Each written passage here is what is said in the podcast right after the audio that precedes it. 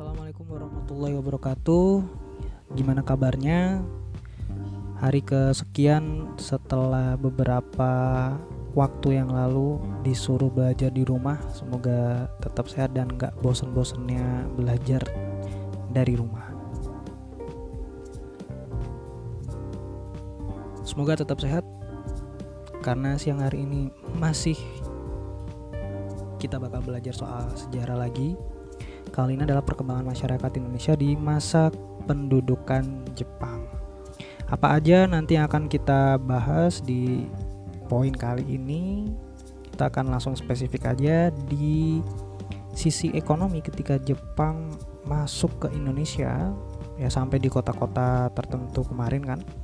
Apa aja yang dilakuin di sektor ekonomi Jepang tuh ngelakuin eksploitasi sumber daya alam. Gunanya buat apa? Gunanya untuk memenuhi kebutuhan industrinya di sana dan juga kegiatan perang. Perang apa nih? Perang Dunia Kedua ya, yang ada di khusus di wilayah Pasifik yaitu dilakukan oleh Jepang gitu ya. Dari pihak poros ada Jepang, ada Jerman, ada Italia. Untuk wilayah Pasifik Jepang yang menguasainya. Kemudian akses untuk perdagangan internasional itu diputus ya dipegang secara eksklusif oleh Jepang. Jadi arus keluar masuk barang perdagangan internasional yang dilakukan sebelumnya oleh Belanda di Indonesia itu dikat langsung oleh Jepang. Jadi kalau ada yang mau jualan barang ke luar negeri ya harus dapat izin. Kemudian tanaman-tanaman ekspor yang sebelumnya didominasi oleh cengkeh, kopi, teh, kina ya yang hasil jualnya cukup tinggi harganya di pasaran Eropa. Nah, sekarang mulai diubah, dijadiin lahan-lahan untuk tanaman pangan, pertanian aja. Ya padi, jagung kayak gitu-gitu. Nah, gunanya buat apa? Nanti buat mensuplai kebutuhan pangan tentara-tentaranya. Tanaman jarak dipakai untuk kebutuhan mesin perang Jepang ya selain diubah tanaman-tanaman kebun tadi jadi lahan pertanian memaksa juga warga kita untuk nanam pohon jarak. Ya, ekstraknya itu dapat dipakai sebagai pelumas. Ya sebagai pelumas bagi kendaraan-kendaraan perang Jepang. Sampai-sampai dikarenakan kita dipaksa dituntut untuk merubah komposisi jadi lahan pertanian. Maka berimbas kepada sampai-sampai warga kita tuh nggak punya pakaian ya sulit banget buat dapet uh, akses kebutuhan sandang. Sehingga pakaiannya ya terbuat dari karung goni kayak gitu. Karung goni itu ya itu karung beras. Tapi yang warnanya coklat ya yang berdebu-debu itu mana mau ya. Kita sekarang pakai baju kayak gitu. Ya minimal H&M lah ya. Kemudian di sisi lainnya juga ngebentuk yang namanya kumiai atau koperasi.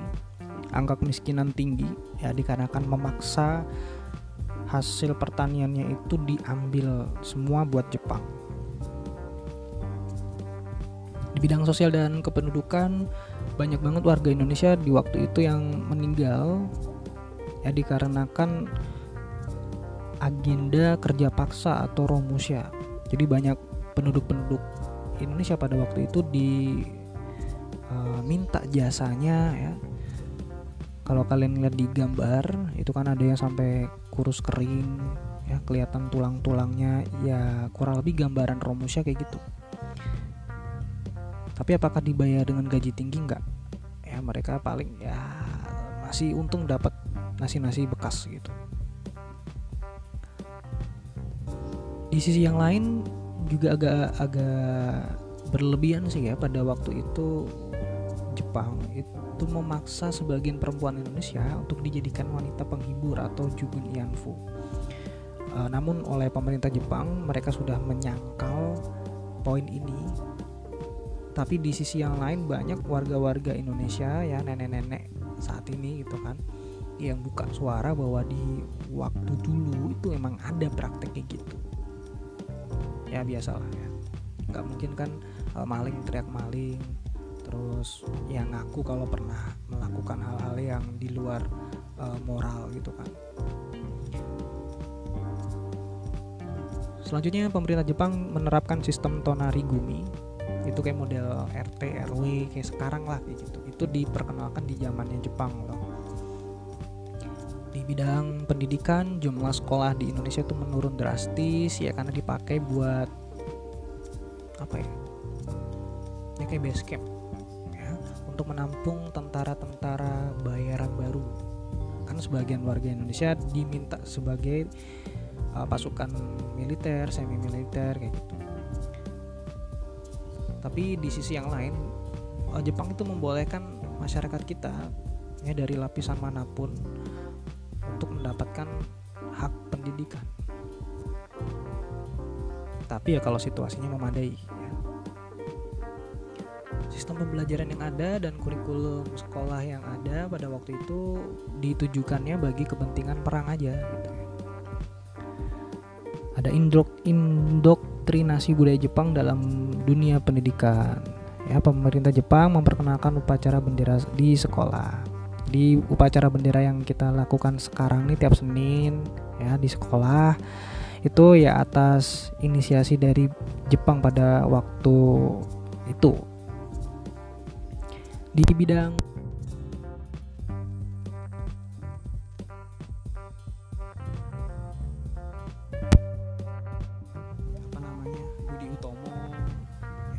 organisasi-organisasi politik lainnya itu yang dibubarkan di zaman Jepang. Supaya ya orang kita tidak menuntut kemerdekaan terhadap mereka.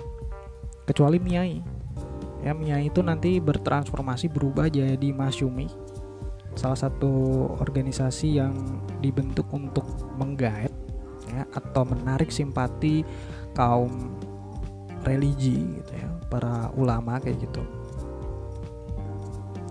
untuk apa? Ya untuk mendukung ya untuk mendukung. Mendukung keberadaan Jepang di Indonesia.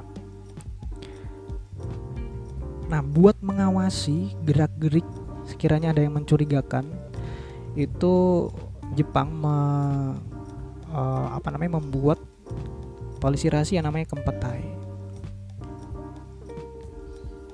organisasi-organisasi propaganda dibuat itu kemarin sudah kita bahas dan bangsa Indonesia terlibat dalam kegiatan politik pemerintahan yang tergabung dalam Cuosanyin.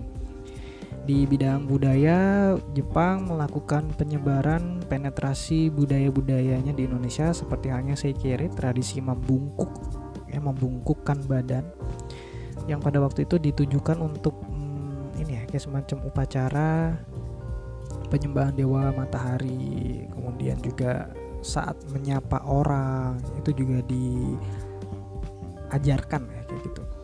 Lagu Kimigayo lagu kebangsaan Jepang diputar dan juga ya dipaksa untuk dihafalkan. Bahasa Indonesia itu masih boleh kok dipakai sebagai bahasa pengantar dalam sekolah. Sehingga bahasa Indonesia itu makin tersebar dan juga makin berkembang Pemerintah Jepang membentuk Keimin Bunka Shidoso sebagai wadah perkembangan di bidang kesenian.